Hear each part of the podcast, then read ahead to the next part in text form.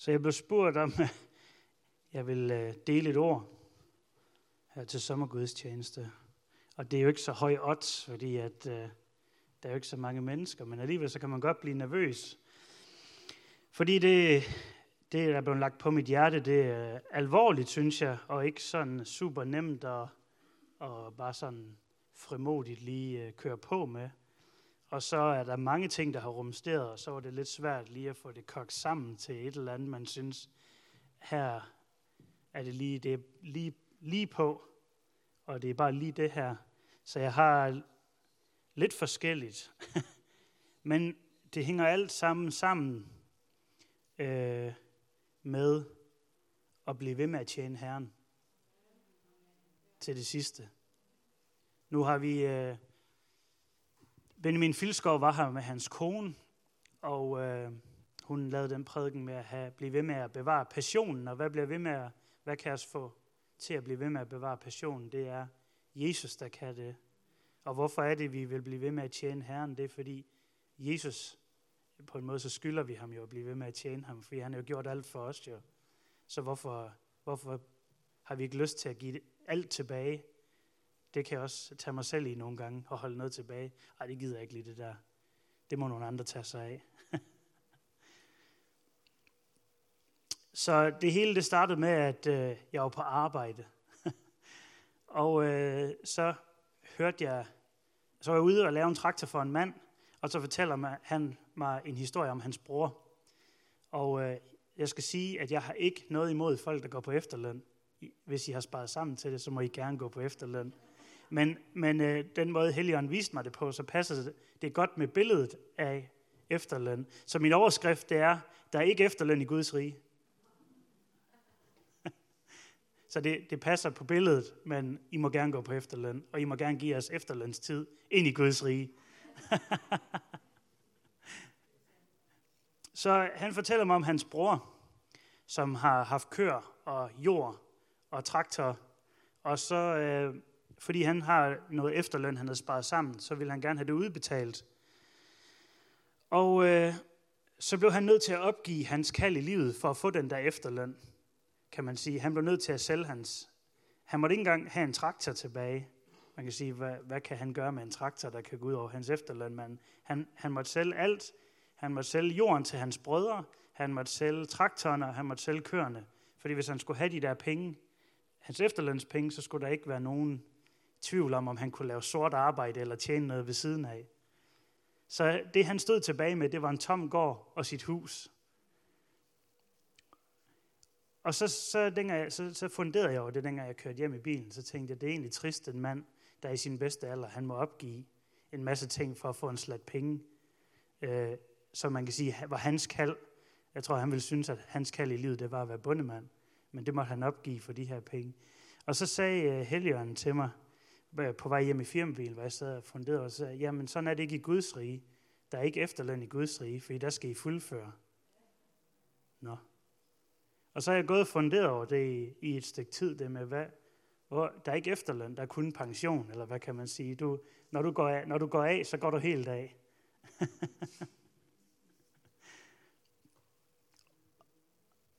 og på en eller anden måde, så, øh, så ved jeg ikke, om det giver mening for jer. Det giver mening for mig i Helligånden taler nogle gange til mig i nogle sjove øh, billeder. Øh, så men det var virkelig det der, jeg fik virkelig den der oplevelse af, ja, der er virkelig ikke efterløn, det er virkelig ikke noget, det findes virkelig ikke i Guds rige. Der findes ikke det der med, at når jeg er i min bedste alder, når der stadigvæk er kræfter i mig, så sætter jeg mig bare hen, og så nyder jeg, at jeg har sparet nogle penge sammen. Fordi den, den løn, du sparer sammen, den får du jo på den anden side. Du kan ikke tage hul på din løn, før du er kommet i himlen. Selvfølgelig kan vi få velsignelser, og Gud han velsigner os med, med gode ting, med dejlige familier og dejlige steder at bo. Så selvfølgelig belønner Gud dig også. Men du kan ikke tage hul på, på din løn i himlen, før du er der.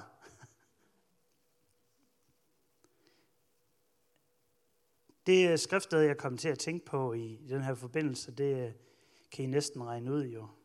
Det står i 1. Korinther 9, 24-27.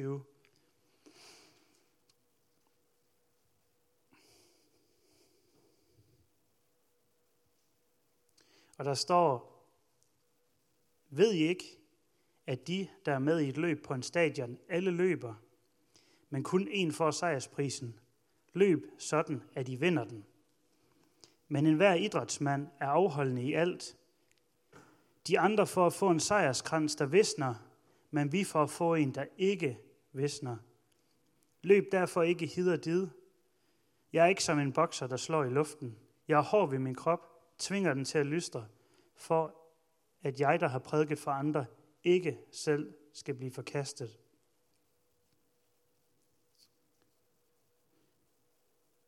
Er det ikke, øh, på en måde, så kan man, så kan man miste det hele, lige før man når målstregen, fordi man gav op. Du kan have løbet i mange år, og du kan have gjort det godt i mange år, og så lige før, at det gælder, så, så kan man bare slippe. Og jeg kommer også til at tænke på, nu har jeg skrevet, det er bare skrevet som en note her, men, men Matthæus 25, der står der om brud i omfruerne. De blev trætte af at vente, og så lagde de sig til at sove. Og så var der ikke nok olie på lamperne. Jeg tror faktisk lige, vi skal slå det efter, fordi at, øh,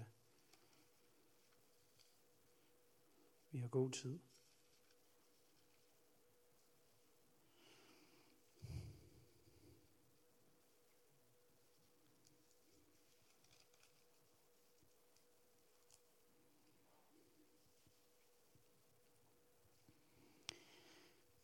Matthæus 25, der skal himmeriget ligne ti brudepiger, som tog deres lamper og gik ud for at møde brudgommen. Fem af dem var tåbelige, og fem var kloge. De tåbelige tog deres lamper med, men ikke olie. De kloge tog både deres lamper med og olie i deres kander. Da brudgommen lød vente på sig, blev de alle sammen døsige og faldt i søvn. Men ved midnat lød råbet, Brudgommen kommer, gå ud og mød ham. Der vågnede alle pigerne og gjorde deres lamper i stand. Og de tåbelige sagde til de kloge, giv os noget af jeres olie, for vores lamper går ud. Men de kloge svarede, nej, der er ikke nok, der er ikke nok både til os og jer. Gå heller hen til købmanden og køb selv. Men da de var gået hen for at købe, kom brudgommen, og de var redde, og de, der var redde, undskyld, gik med ham ind i bryllupssalen, og døren blev lukket. Siden kom de andre piger og sagde, Herre, herre, luk os ind. Men han svarede, sandelig siger jeg, jeg kender jer ikke. Våg derfor, for I kender hverken dagen eller timen.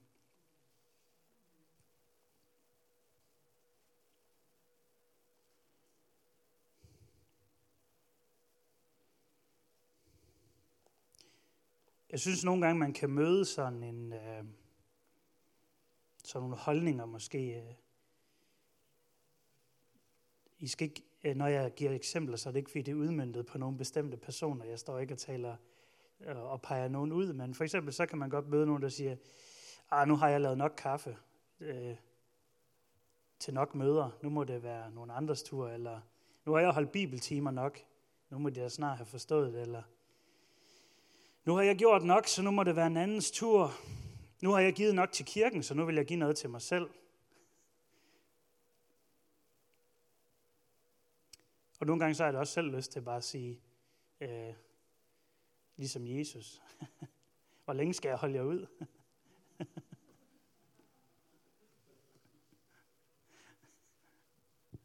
Hvor man får øh, medynk eller selvmedlidenhed, og så tænker man, at ej, nu gider jeg ikke mere. Nu har det været hårdt, og det har været træls, og mennesker gider i hvert fald ikke rykke sig i den retning, jeg synes, de skal rykke sig i. Og de værdsætter mig ikke, og øh, jeg ved ikke, hvad man kan, man kan synes. Og nu har jeg i hvert fald også øh, gjort nok for dem. Nu er der nogen, der må gøre noget for mig, eller nu gider jeg ikke mere, nu sætter jeg mig hjem og ser lykkehjulet.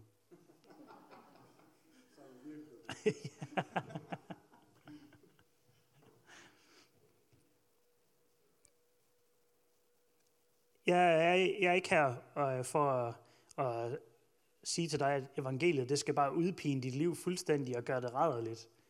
Og du skal bare opgive alt, og du skal ikke øh, have nogen fornøjelse i dit liv, eller have det dejligt, og du må slet ikke besøge din familie, fordi at det er meget, meget mere vigtigt med alt muligt andet.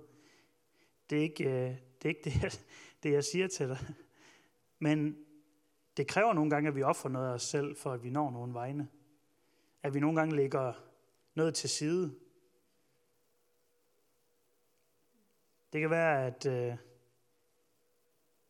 at jeg også, at Jesus han kommer og prikker mig på skulderen, og jeg må lægge noget til side. Og så håber jeg, at jeg er villig til det, når han siger det.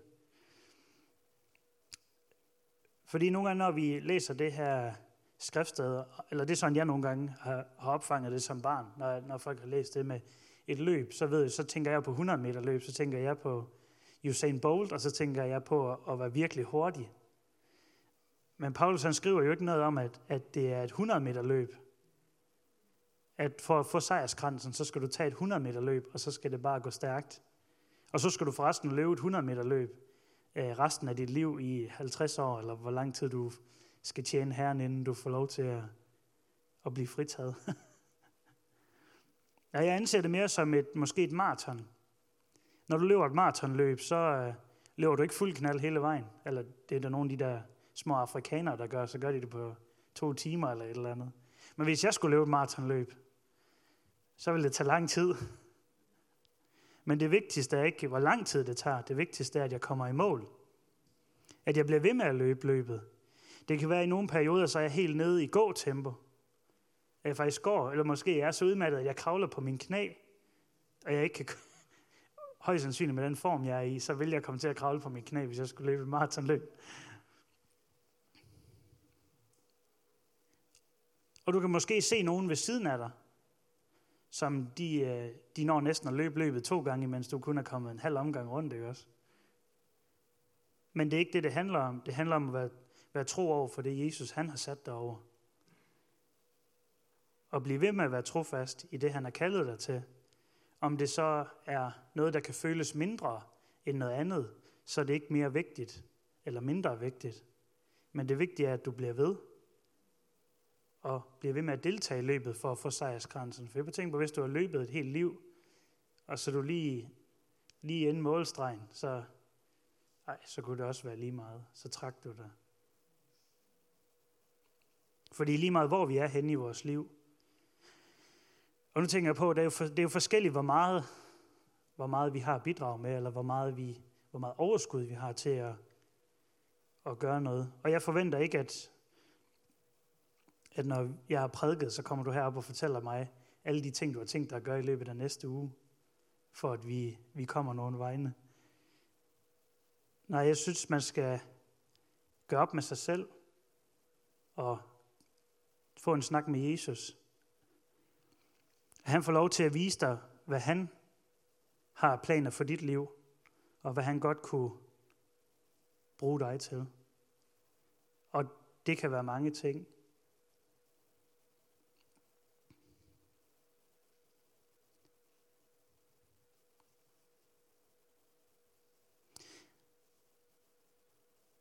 Står her, at vi må, jeg har skrevet her i mine noter, for jeg har lavet noter i dag, så jeg, sådan det går rigtig godt.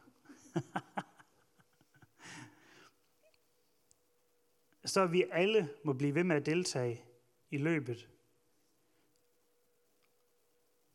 Og på den måde kan du være med. Måske din livssituation kun tillader dig at gå. Så gå efter sejrsgrænsen. Eller min livssituation måske kun tillader mig, at jeg kan kravle som er kravl efter sejrsgrænsen. Eller det kan være, der er nogen, hvis livssituation tillader dem at spurt, så må man spurt efter sejrsgrænsen. Tjen Gud det bedste, du kan.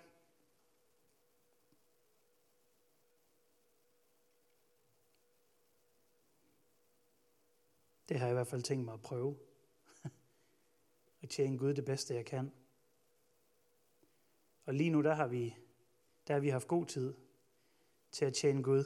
Og måske den næste sæson, så bliver det lidt mere stramt.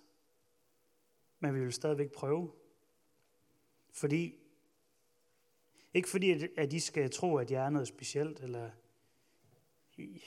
jeg er bedre end nogen andre, men fordi jeg elsker Jesus. Jeg vil tjene ham på grund af taknemmelighed over, at han har tjent mig. Og at han har givet mig del i ting. som jeg overhovedet ikke har fortjent. Men alligevel så, så giver han det bare, fordi han elsker mig. Og fordi han elsker mig, så vil jeg også elske ham. Og prøve at være trofast. Ikke at være perfekt. Det beder han mig ikke om. Men han beder mig om at tjene ham så godt jeg kan.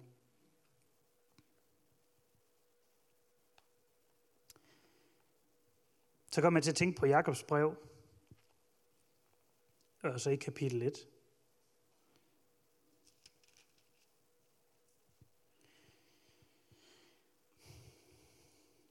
Og så 19 og så til 27, der står der, Det skal I vide, mine brødre. En hver skal være snart til at høre, men sen til at tale, og sen til vrede. For et menneskes vrede udretter intet, det er retfærdigt for Gud. Aflæg derfor al urenhed og al den vejen ondskab, og tag med sagtmodighed imod det ord, som er indplantet i jer, og som kan frelse jeres sjæle. Og så kommer det vigtige. Vær ordets gører, ikke blot des hører, ellers bedrager jer selv. Den, der er ordets hører, men ikke den skører, ligner en, der betragter sig selv, betragter sit eget ansigt i et spejl. Han betragter nok sig selv, men går bort og har straks glemt, hvordan han så ud. Men den, der fordyber sig i frihedens fuldkommende lov og bliver ved den, og ikke er en glemsom hører, men gerningen skører, han skal være salig ved det, han gør. Den, der mener at dyrke Gud, men ikke tøjler sin tunge, fører sig selv bag lyset. Hans guddyrkelse er intet værd. En ren og ægte gudsdyrkelse for Gud, hvor fader er at tage sig af den fadeløse, inker i deres nød og bevare sig selv uplettet af verden. Hvad ordet skører, ikke blot dens hører. Det er et, et vers, jeg har været meget glad for.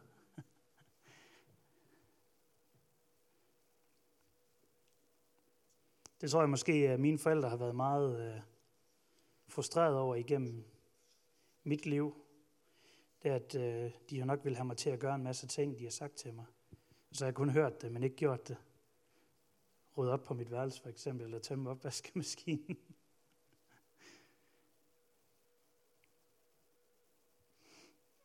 Jeg tænker nogle gange på det der, nu skal hvis, hvis, det ikke, hvis I ikke ved det, så skal vi jo være forældre til oktober.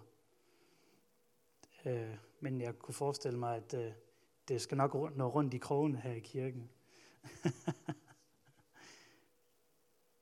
Og så kommer vi til at tænke på øh, det der med at være ordets gøre og ikke blot dens høre. Så jeg skrev, lad os tjene vores familie og være et forbillede for dem, vi elsker. Hmm. Hvad betyder det, Philip, når du siger, være et forbillede for dem, vi elsker, og tjene vores familie? Jeg tænker nogle gange på, at Jeg lærte trofasthed i forhold til kirke ved at se mine forældre være trofaste i forhold til kirke. Og så, øh, jeg snakkede lige med Gert i går, og så sagde han, at dengang han var barn, så så han altid hans far læse i Bibelen om morgenen, eller hvad sagde du? Og fuldstændig det samme for mig. Når jeg stod op klokken om morgenen, så sad min far altid og læste i Bibelen. Det var, det var helt sikkert.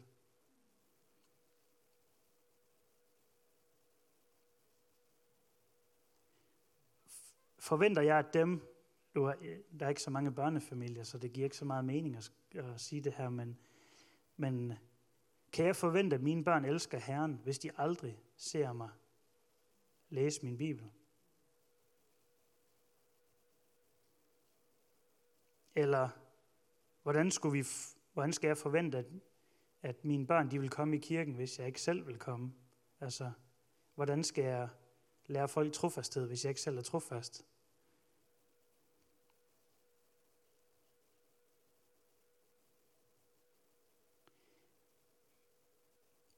Med den handling, min far han gjorde ved at sidde og læse hans bibel hver morgen, så kunne jeg jo se, at det ikke bare var noget, han stod og snakkede om på talerstolen om søndagen, hvor meget han elskede Jesus, men jeg kunne også se, at han stod tidligt op før os andre om morgenen for at være sammen med ham. Det gjorde indtryk.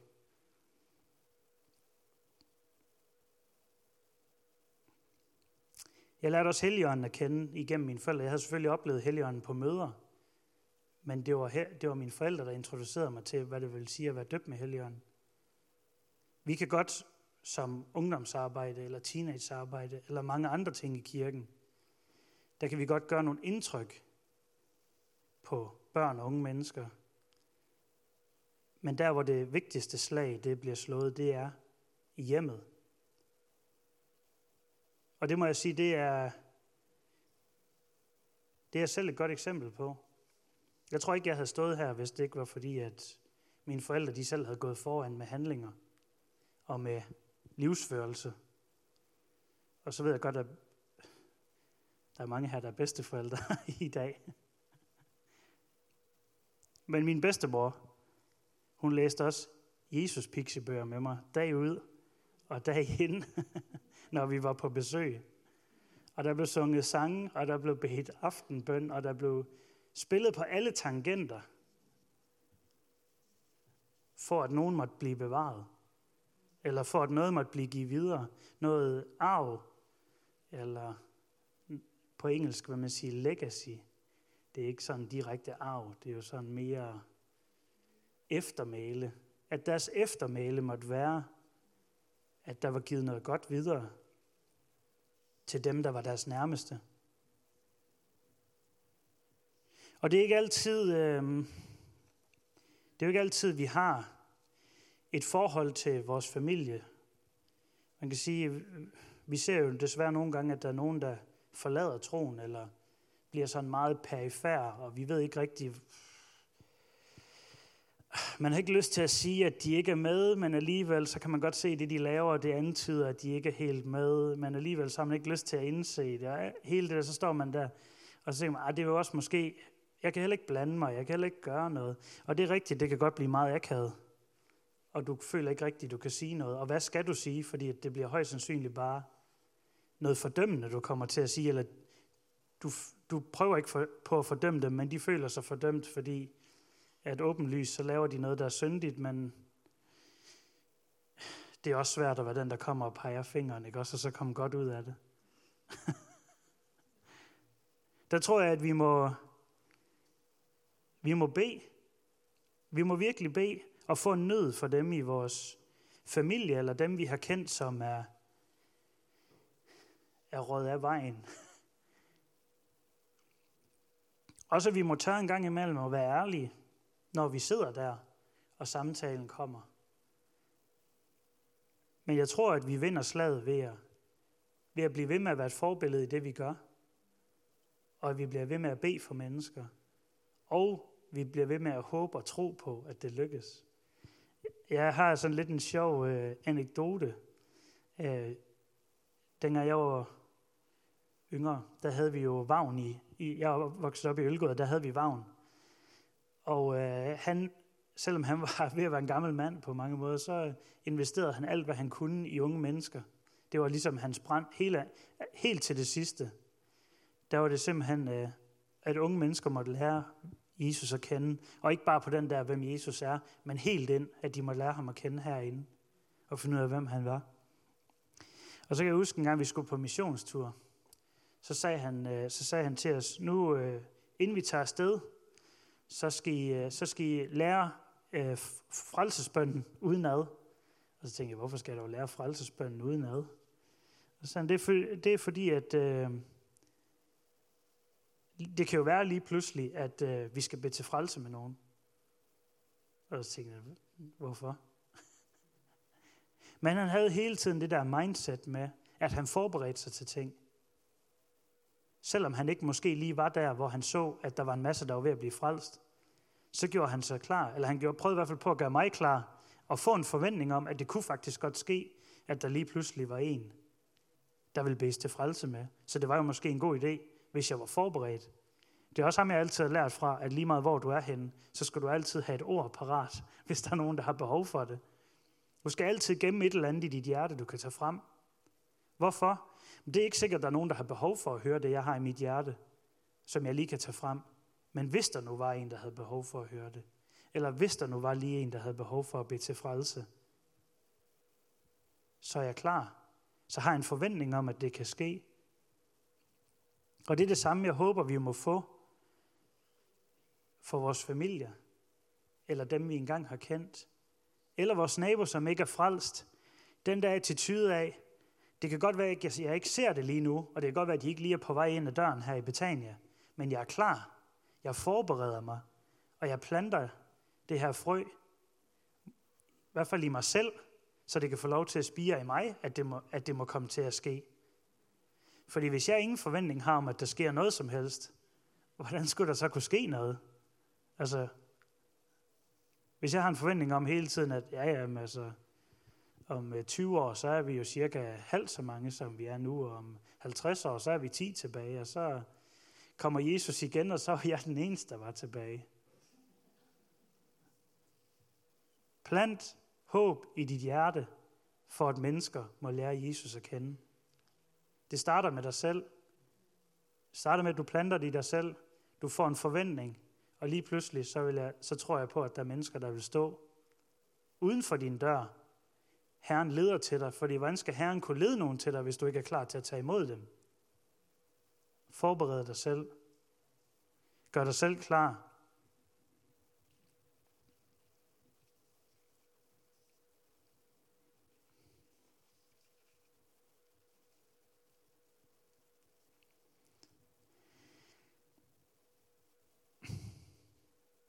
Så har jeg skrevet det, at vi må være et forbillede i vores kærlighed til Jesus. Jeg har lyst til, at når folk de ser mig, så, så ser de, at jeg gjorde ting, ikke for at jeg skulle ses eller høres, men at, at det var fordi, jeg elskede Jesus.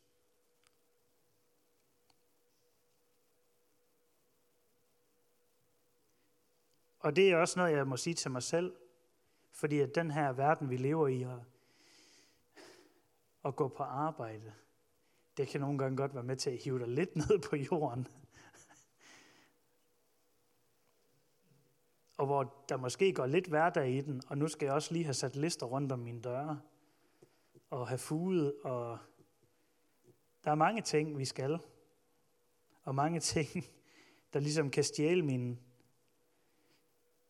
min brand og min længsel efter, at der måske noget, den der, så gik der en uge mere. Og så gik der en uge mere, og så, Nå ja, min nabo, han er jo ikke frelst, men ja, ja, det går jo nok alligevel. Han går jo kun til helvede, ikke? Altså, undskyld, men det er måske lidt den attitude, vi nogle gange ender med at få. Det er, at vi bliver lidt sådan ligeglade. Jeg bliver nogle gange ligeglad. Så må jeg på min knæ. Det er ikke så moderne med at gå på knæ. Det der med at ydmyge sig selv, det er, ikke, det er altså ikke super. Det er ikke super 2020. Det er det altså ikke. Men så må jeg gå på knæ. Og så må jeg sige, Jesus. Det er, også, det er faktisk også godt, hvis du lige sådan, ikke bare sådan siger, Jesus. Men sådan, du også mener det lidt. Jesus. Du må forny min kærlighed til dig. Du må forny min kærlighed til det første bud, at elske dig og elske min næste. Fordi vi kan få så travlt med alt muligt, der tager vores tid. Og mennesker, mennesker omkring os, de, ja, de er på vej et sted hen, jeg ikke vil. Jeg, ikke engang, jeg ønsker det ikke engang for en person, for min værste fjende. Altså. Og hvad er det værste, der kan ske? At de synes, du er lidt mærkelig.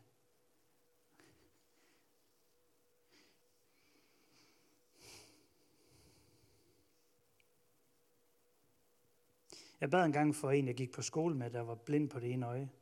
Og der stod, jeg troede, jeg skulle dø, altså fordi det var ikke... Helligånden sagde til mig, du skal bede for ham. Og sagde, at jeg skal i hvert fald ikke bede for ham, fordi at de tror jo alligevel ikke på dig, og, og de kommer nok også til at synes, at jeg er åndssvag bagefter, jeg skal også møde dem igen. Men jeg, jeg måtte alligevel gøre det. Og han blev ikke helbredt på hans øje. Det gør jeg jo lige så blind, som han var før. Men jeg havde taget et skridt, og jeg havde bedt for ham. Og folk har stået og kigget på mig, og jeg vil nok tro, at øh, det var jo mekanikere, så de sagde måske ikke lige, hvad de følte, men jeg tror, at inde i deres hoved, jeg tror måske, de havde tænkt, han er godt nok rablende sindssyg. Altså. Men jeg kunne ikke lade være, for jeg måtte adlyde. Men så alligevel, så er den bygning, vi arbejder i, den er ejet af en mand, der hed Kohl. Han hed ikke Kohl, han havde Kohl. Og jeg har mødt ham flere gange, hvor han kom gående med hans ildflaske, og Helligånden prikkede til mig hver gang. Men jeg gjorde ikke noget ved det. Og for ikke så lang tid siden, øh, så fik vi jo melding, at nu var han ikke mere. Og der kunne jeg godt, øh, der kunne jeg godt fortælle, der var jeg flov over mig selv i et stykke tid. For jeg havde fået kaldet, eller jeg havde fået opgaven til at gå til ham, men jeg gjorde det ikke. Så på en eller anden måde, så må vi også få en ansvarsfølelse for, at de mennesker, der er omkring os. Fordi hvis du tager lidt simpel matematik, hvor mange troende mennesker er der i Danmark efterhånden? Ikke særlig mange. Så jeg kan jo ikke bare sige, nej, jamen, der kommer jo nok en anden og mødte ham. For hvad er sandsynligheden for det? Ikke særlig stor. Så jeg havde, da, jeg havde en opgave, og jeg havde et ansvar. Men jeg var det nok ikke helt moden. Og der måtte jeg sige til Jesus, næste gang, så vil jeg være lydig. Og det er ikke sikkert, at jeg kommer til det. Det kan være, at jeg er en kylling igen. Men i hvert fald så vil jeg have den indstilling, at jeg vil være klar, og jeg vil prøve.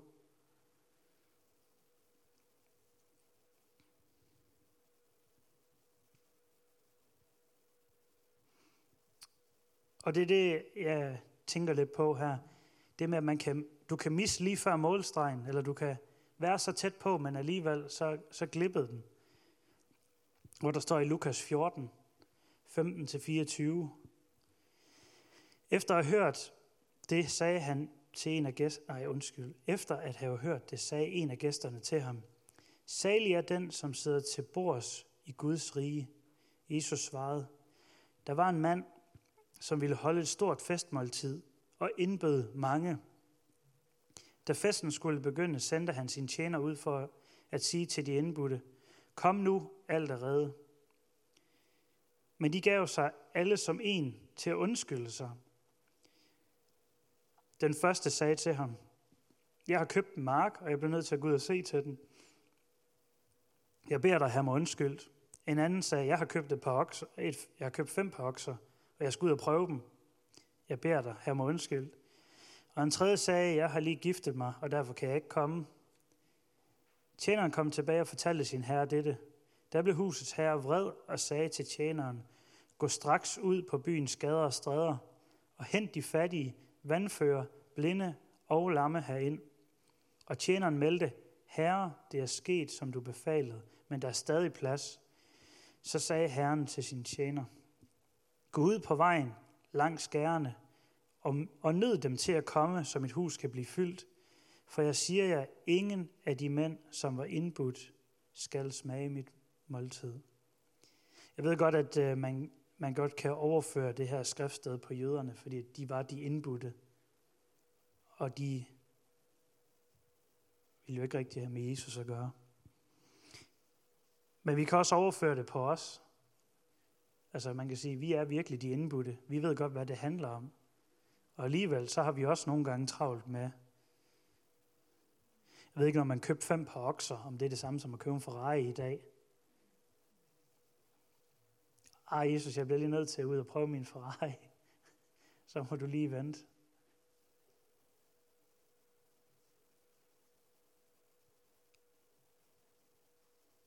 Fordi hvis du ikke tager imod opgaven, der skal udføres, så må han jo finde en anden en til at gøre det. Fordi der er noget, der skal gøres. Der er nogle mennesker, der skal vindes. Og der er noget, vi skal nå, inden han kommer igen. Og hvis vi siger nej og melder os ud af løbet, eller har en attitude over for Jesus, at jeg har vigtigere ting at foretage mig, så må han jo finde nogle andre. Og så bliver det måske ikke dem, der var allermest kvalificerede, men det var måske dem, han kunne få fat i.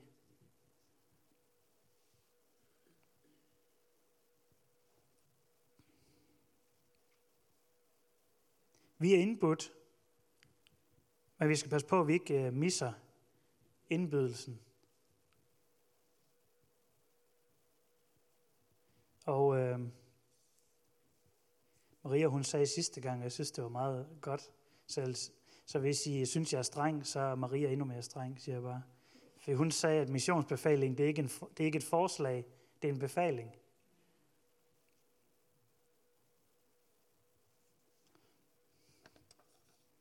Jeg synes lige, vi, vi kan da godt læse den lige. Det er Matthæus 28.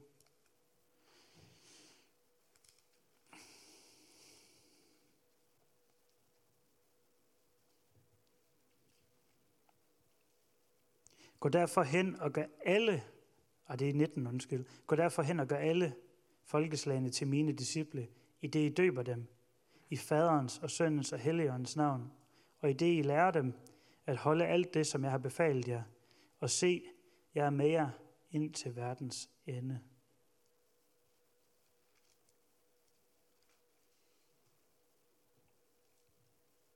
Vi har alle sammen et kald til at føre mennesker til Jesus. Og jeg skal ikke stå og sige her, at øh, du skal gøre det på en bestemt måde. Du må gøre det på din måde, og du må gøre det på den måde, Jesus han leder dig til det.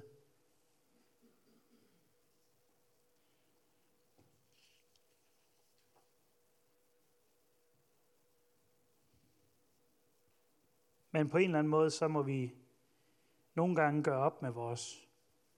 Så den der, og det sker også for mig. Så hvis, I synes, hvis du synes, jeg er hård ved dig, så skal du vide, at jeg er endnu mere hård ved mig selv. Hvis du kender mig, så ved du, at, at jeg tager ting seriøst. Men den der snigende ligegyldighed, der kan komme ind med vores næste, den der ligegyldighed med, om det hele det går at man må ikke sige det, men nu siger jeg, at det hele det går pommeren til, og vi er sådan set lidt ligeglade, fordi at den her redningsbåd, nu kan vi lige sige kirken her, den her redningsbåd, vi sidder inde i, her er jo egentlig meget godt. Og folk de drukner uden for døren, men ah, skal vi ikke tage en tår kaffe mere? I må gerne drikke kaffe, og I må gerne have det hyggeligt. Jeg har det også selv hyggeligt tit, og ser også en god film en gang imellem. Det er ikke sådan, jeg står nede på, på hjørnet, nede på torvet, nede i Grænsted og råber folk, at de går til helvede, hvis de ikke snart tager sig sammen. Men vi må gøre op med ligegyldigheden. Og vi må være forbilleder for dem, der er vores nærmeste. Forbilleder for vores børn. Og nu så kan I jo grine af mig om, om, om 15 år, når jeg står med en teenager, der er helt umulig. Og så kan I sige, ja ja Philip, det var godt, at du sagde, at du skulle være forbillede for dine børn. Og det gik jo så super godt for dig. Men jeg har det udgangspunkt, at jeg vil prøve på at være et godt forbillede for mine børn. Og jeg vil gå foran. Fordi, jeg også, fordi man også får et kald til dem, man har tæt på sig. Vi har alle sammen et kald til at være noget for vores familie. Være noget for vores børn. Være noget for vores børnebørn.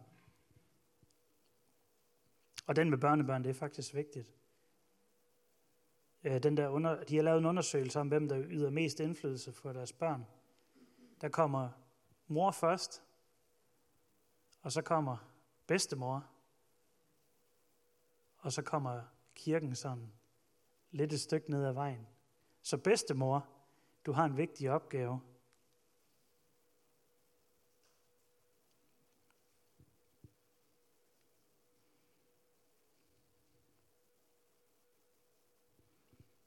Jeg vil slutte af med at læse Matthæus 18.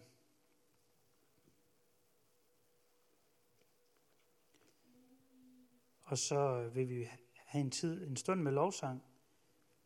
Og øh, det er ikke tit, vi gør alterkald på sådan, på sådan en vild måde. Det kommer vi heller ikke til i dag. Men på en eller anden måde, hvis du har lyst til at indvide dig selv og sige, Jesus, den der ligegyldighed, der bare sniger sig ind i mit liv, den vil jeg også gøre op med i dag. Jeg vil også gøre op med den i dag. Jeg vil have mine naboer, og jeg vil have min ufrelste familie, og jeg vil have mine arbejdskollegaer, og ham jeg møder tilfældigt nede i Netto, ham vil jeg have med på vejen.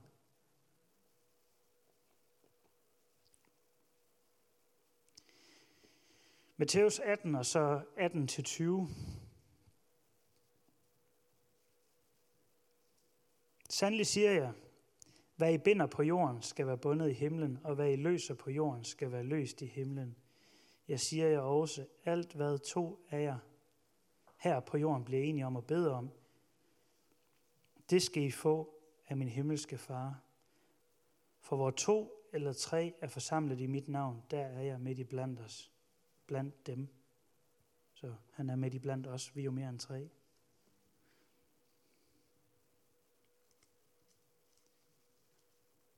Lad os tage bøn i brug. Lad os løse nogle mennesker, så at de kan komme til at lære Jesus at kende. Lad os bede dem hjem. Lad os tage dem frem i forbøn og være vedholdende indtil, at de giver sig. Jeg tror på, at du kan løse nogle mennesker til at blive frelst, hvis du vil gå i forbøn for dem. At Helligånden må komme over dem.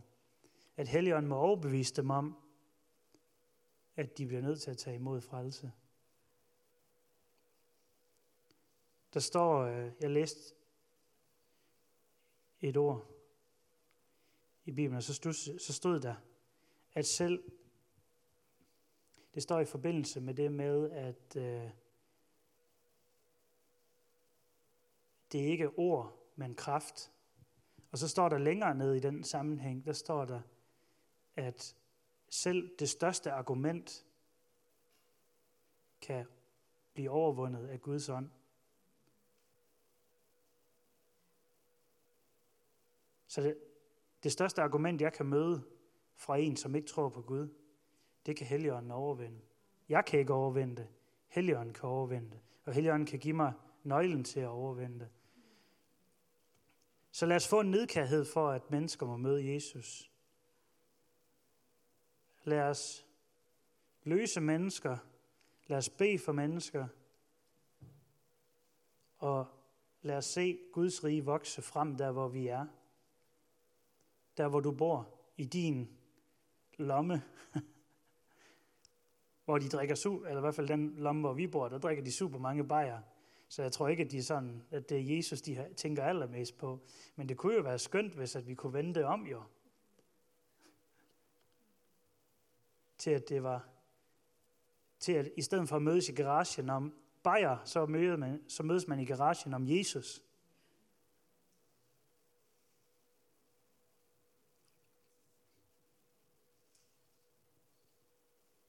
Og jeg synes, at nogle gange troen, den er, den er meget lavt nedelig, der hvor vi er. Og vi har behov for at se noget ske, så at vores tro kan blive bygget op. Så min tro kan blive bygget op. Så din tro kan blive bygget op. Så vi tør tro for endnu mere. Og så ruller bolden, og så lige inden vi ser os om, så står vi i sådan en lille lokal vækkelse, hvor der var sådan temmelig mange, der gav sit liv til Jesus. Fordi vi startede i det små, og troen den blev ved med at rejse sig.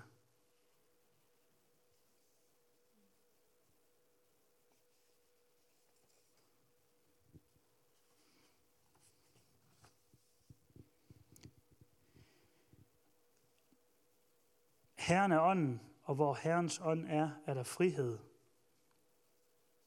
Og alle vi, som med tilsløret ansigt i et spejl skuer Herrens herlighed, forvandles efter det billede, vi skuer fra herlighed til herlighed, sådan det er sket ved den Herre, som ånden er.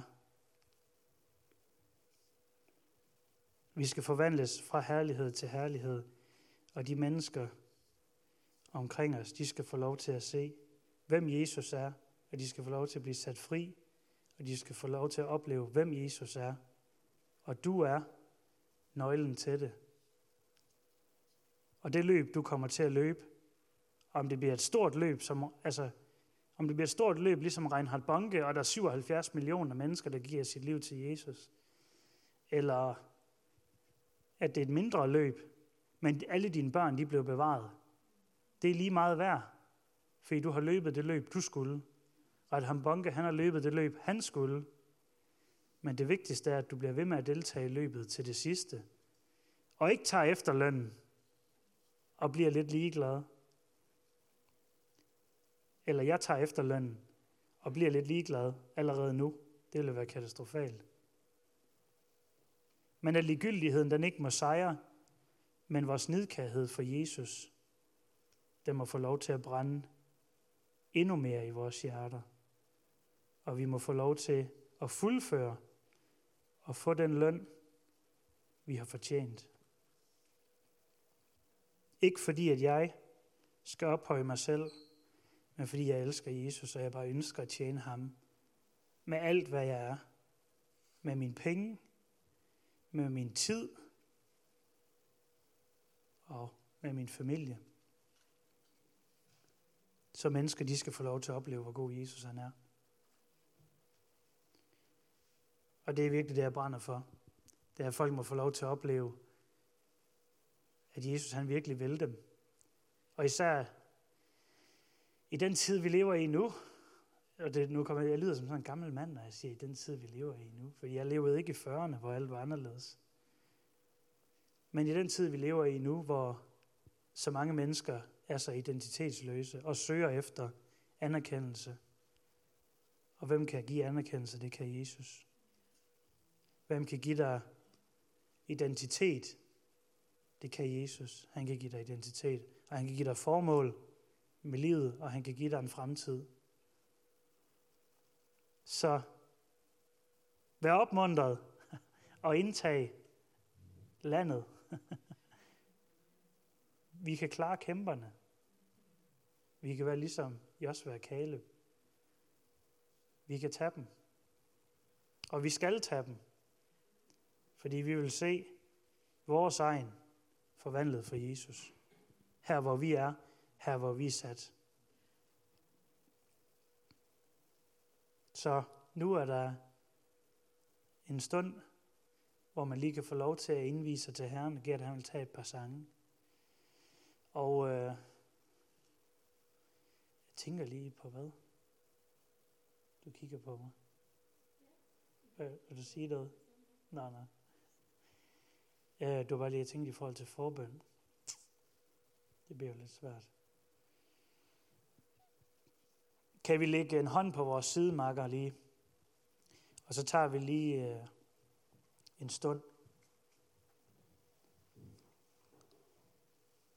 Og så øh, bed for hinanden om, at, øh, at Helligånden virkelig må få lov til at komme og styrke os. Og vi må få en fornyet tro på, at det, ikke, det hele ikke bare går den forkerte vej. At vi må blive fyldt med håb. Tak, Jesus, at du er verdens håb. Du er verdens lys. Og vi overgiver os til din vilje her i formiddag. Og vi beder om, at du virkelig må komme og brænde i os igen på ny. At du må opflamme den første kærlighed. At vi må få lov til at opleve, hvordan det er at være forelsket i dig igen. At vi må få lov til at opleve og bare have lyst til at, at lægge alt ned for dig, Jesus. Tak, Jesus, at du også viser os, hvor vi kan tjene dig, og hvad vi kan tjene dig med. Tak, Jesus, at du også giver os selvtillid, som vi ikke tror, vi skal være noget, vi ikke er. At vi hviler i, at det vi gør, det er godt nok.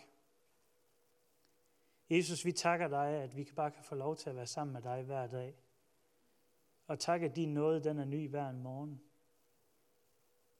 Og vi bare elsker dig, og vi ærer dig, og vi takker for alt, hvad du har gjort for os. Og vi takker også for alt, hvad du kommer til at gøre for os. Tak, at du må føre os ind i dit kald for vores liv. Tak, Jesus, at vi må få lov til at fuldføre løbet. At vi må få lov til at, at være med til det sidste. Tak, Jesus, at løbet ikke behøver at være det samme hele livet, men tak, fordi at du tager os igennem sæsoner, hvor vi får lov til at opleve forskellige ting, og hvordan det vil være forskelligt at tjene dig. Tak, Jesus, at du har tænkt dig at fuldføre din gode gerning i vores liv. Tak, at du vil være med os alle dage, også der, hvor det er svært, der, hvor det er træls, og der, hvor det kan se ud som om, at vi ingenting kan. Jesus, vi bare takker dig, at du giver os ny energi, at du giver os, giver os ny svingfjer, ligesom ørnen. At vi må få lov til at, at komme højt op og flyve. At du bare ved din godhed giver os det, vi har behov for, for at vi kan tjene dig. Jesus, vi bare elsker dig. Er der nogen, der har lyst til at bede, så er der også mulighed for det.